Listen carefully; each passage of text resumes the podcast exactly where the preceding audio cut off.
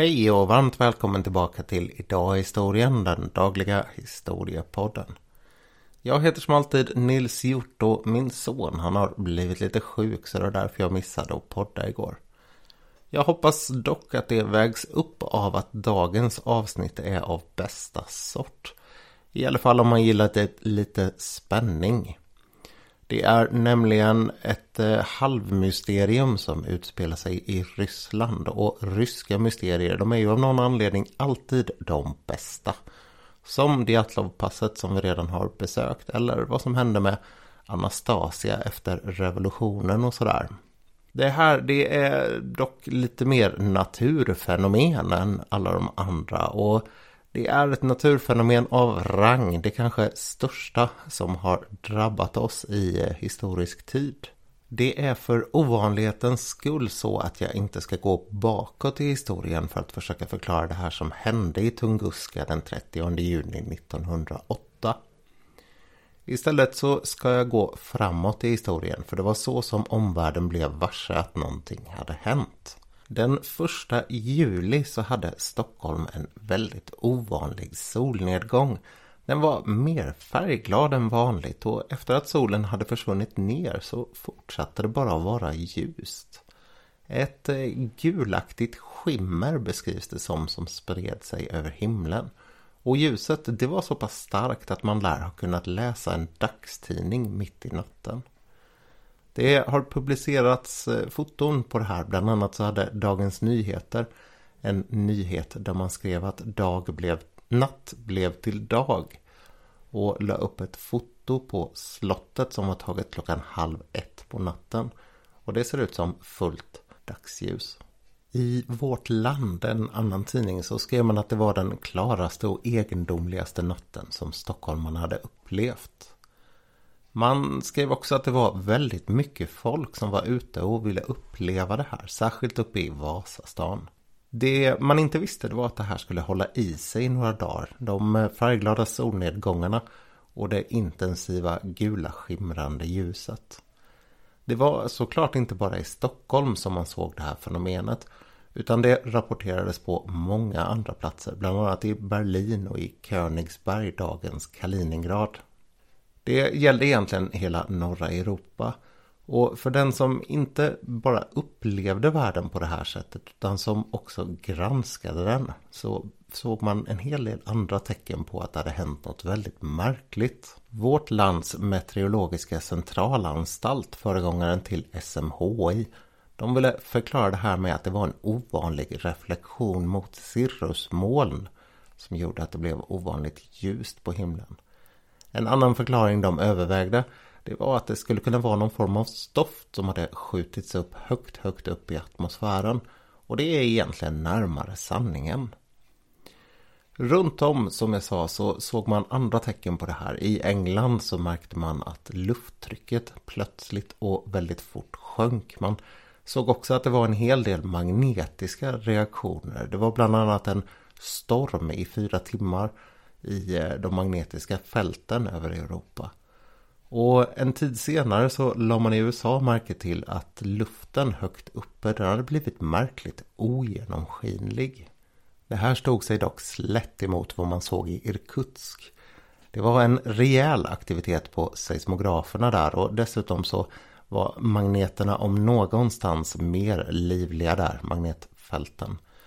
Det ligger 90 mil ifrån den här platsen som man till slut skulle lyckas peka ut Tunguska.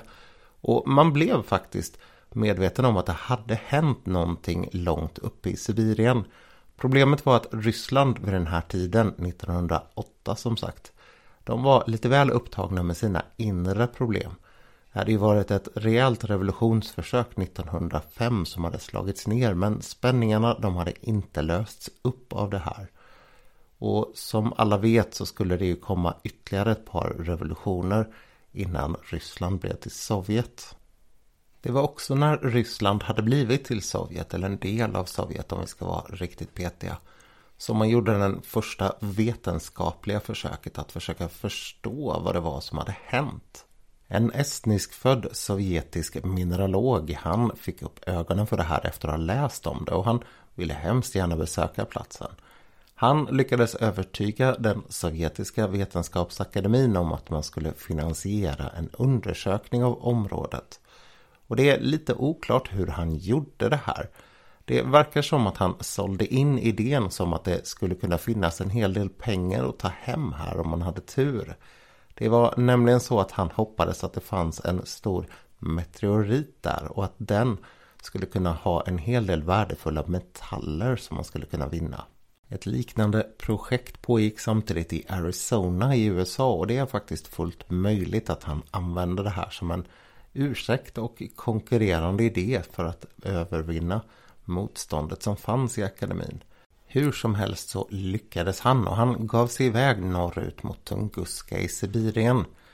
Första anhalt det var ett bibliotek där han försökte hitta olika spår som det här kunde ha lämnat i tidningar och så. Och det var samma arbetssätt han skulle använda på plats när han kom dit. Det här området det är i väldigt ogästvänlig taiga. Och det har en lång, lång vinter och en väldigt kort sommar när allting förvandlas till en mer eller mindre träskliknande miljö.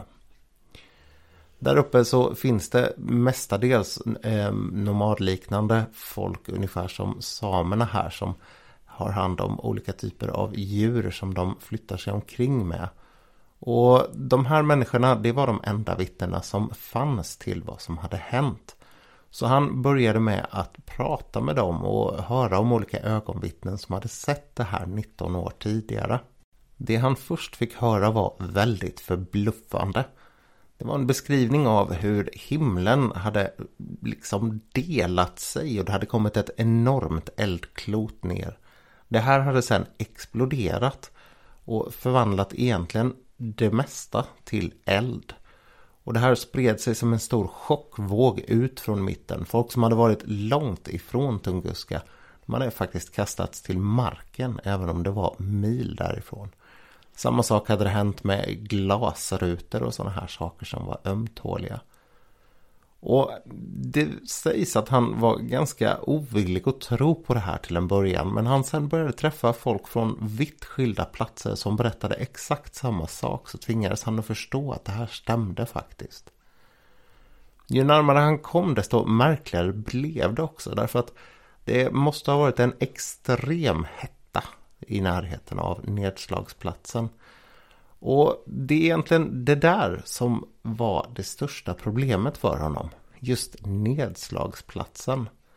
För han kom till ett område som var någonstans mellan 7 och 9 mil långt. Där alla träd hade slagits omkull. De hade gjort det med ett ganska tydligt centrum där det fanns några träd som fortfarande stod upp. Och sen låg de andra omkring 80 miljoner träd ner i ett mönster som ibland beskrivs som en stjärna, ibland beskrivs som en fjäril. Trots tappra försök att söka igenom det här området som var stort ungefär som två tredjedelar av Gotland, 2000 kvadratkilometer, så lyckades han inte hitta någon nedslagspunkt. Det fanns inga spår av att det skulle vara en meteorit, meteorit som hade slagit ner. Han fick återvända innan vintern kom och när han kom tillbaka till Moskva så började han omedelbart att planera nya resor upp dit.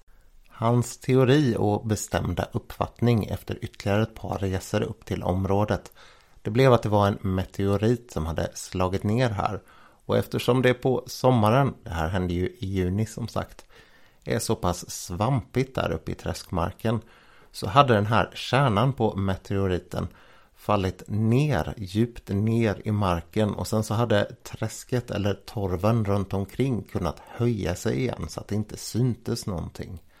Han utgick därför ifrån att det någonstans där nere skulle finnas en stor klump. Någonstans omkring 100 200 ton tung trodde han. Den här teorin den beskrev han som mest ingående 1938.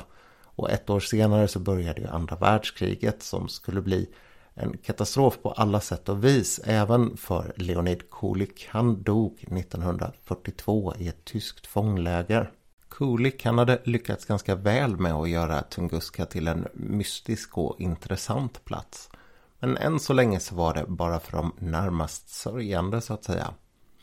Det skulle dröja ända fram till att USA och Sovjetunionen började sin rymdkapplöpning innan folk på allvar blev intresserade av det här med rymd och vad som egentligen hade hänt både ovanför oss i bokstavlig mening och uppe i Sibirien. Ett stort bekymmer här det var att man inte riktigt kunde samarbeta mellan öst och väst och att den kanske bättre vetenskapen längre fram åtminstone den fanns i väst men allt material det fanns i öst och platsen i sig den fanns ju också där skyddad av Sovjetunionens ganska bestämda gränser. Och det där har bidragit till att det kunde utvecklas en sån mystik till den här, eller kring den här platsen.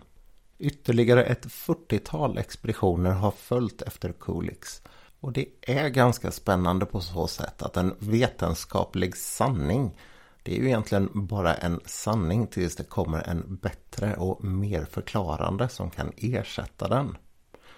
Eftersom Kulik aldrig hade hittat någon meteorit där nere i marken så lämnade det ju fältet öppet för alla möjliga idéer om vad det var som egentligen hade hänt där som ur ett vetenskapligt perspektiv egentligen inte kan sägas ha ett sämre förklaringsvärde just därför att Kulik aldrig riktigt hittade den där sista pusselbiten. Den här meteoritdelen som han hoppades skulle finnas en bit ner i marken. Det som i en kriminalroman skulle vara den rykande pistolen. En snabb genomgång om vilka de här idéerna är ger en ganska intressant lista. Olika saker som astronomer och andra vetenskapsmän har fått kämpa med och vederlägga.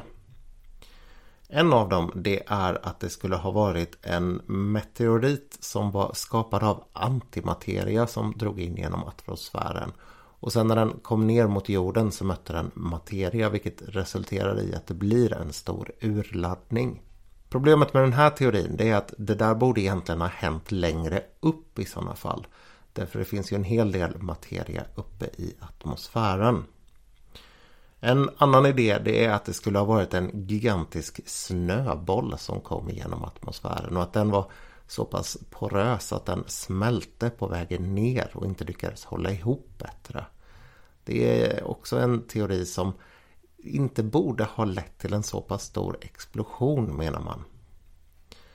En, en vad är vi på, tredje teori det är att det skulle ha varit någon form av atom kärnvapenliknande urladdning som skedde. Det här var en teori som blev populär när man gick in i atomåldern. Men det fanns egentligen ingenting som stöttade den. Man kunde inte se några högre grader av radioaktivitet och man kunde heller inte se att det var folk i området som hade blivit cancersjuka.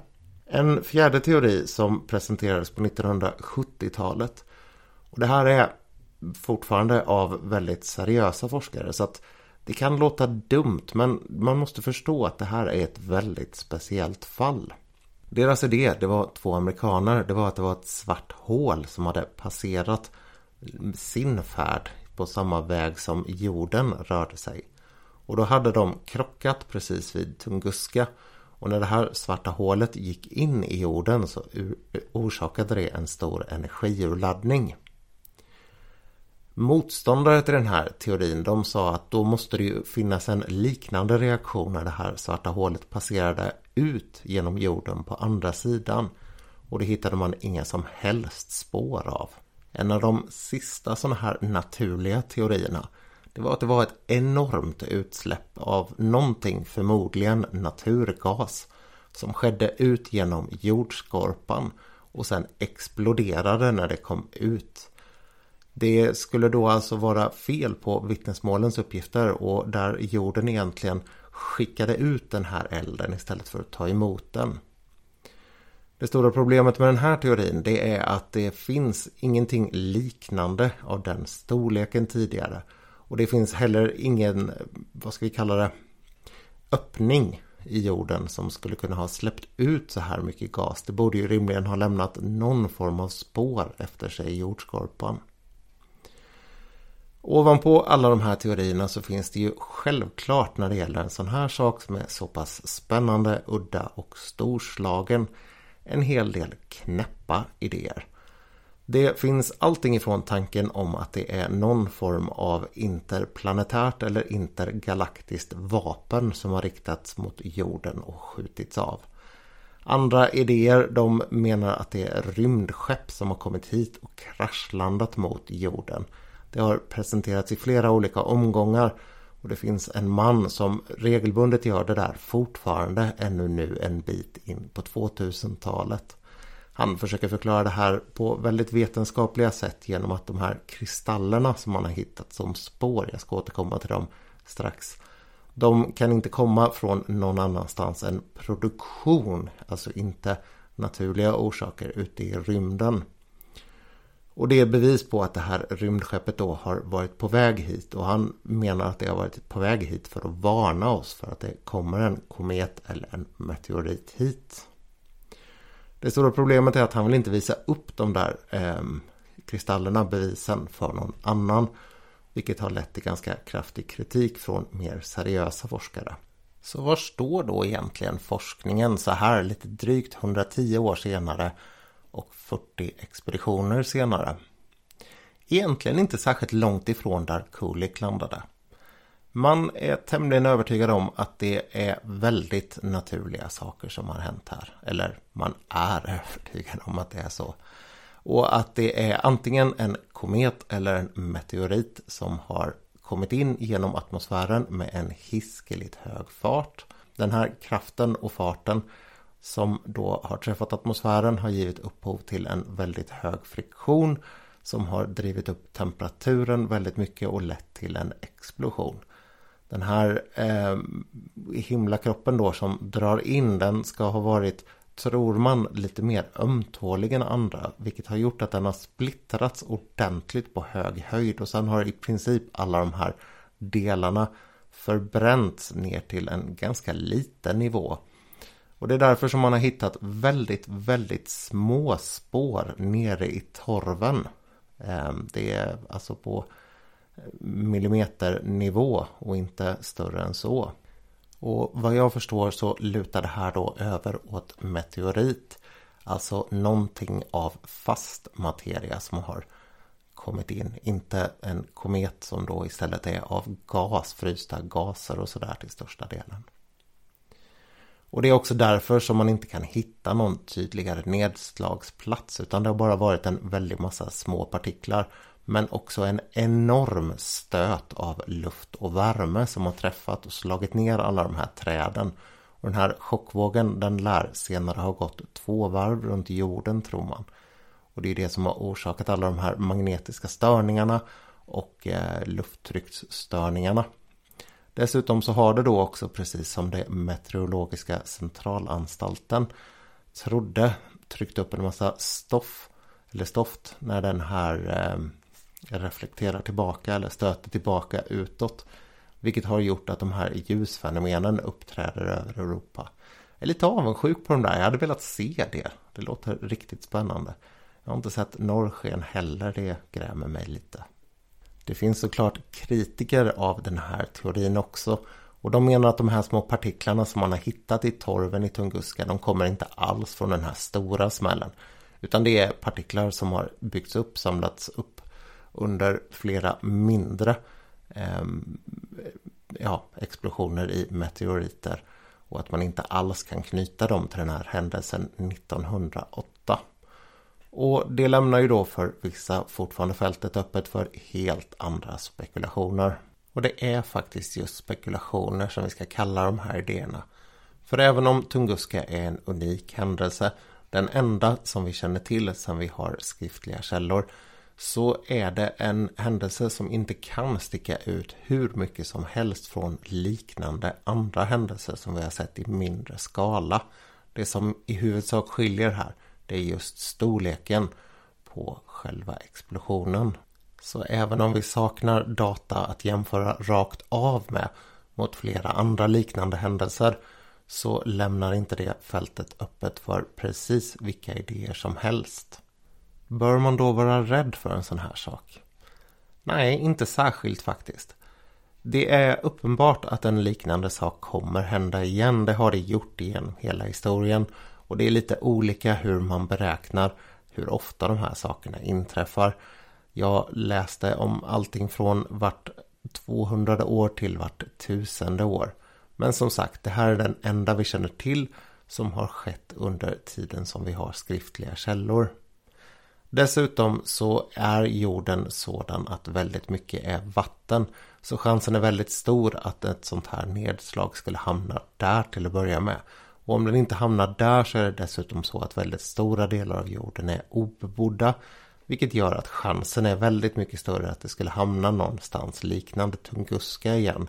Och inte till exempel rakt över New York. Så nej, var inte rädda. Det är väldigt liten chans att en sån här sak skulle orsaka mer eh, skada på människor än vad Tunguska gjorde. Och det var faktiskt ingen som dog. Det var några få som skadade sig men inte mer än så. Och det tycker jag egentligen är det mest fascinerande i det här. Därför att storleken på den här smällen den har beräknats till någon gång mellan 200 och 1000 gånger kraften som var i Hiroshima-bomben. Det tåls att tänkas på. Och medan ni gör det så passar jag på att tacka för att ni lyssnade idag. Och eh, jag hoppas att vi hörs imorgon igen. Det beror lite på hur saker utvecklas här hemma. Tills vi hörs nästa gång, allt gott. Hej hej.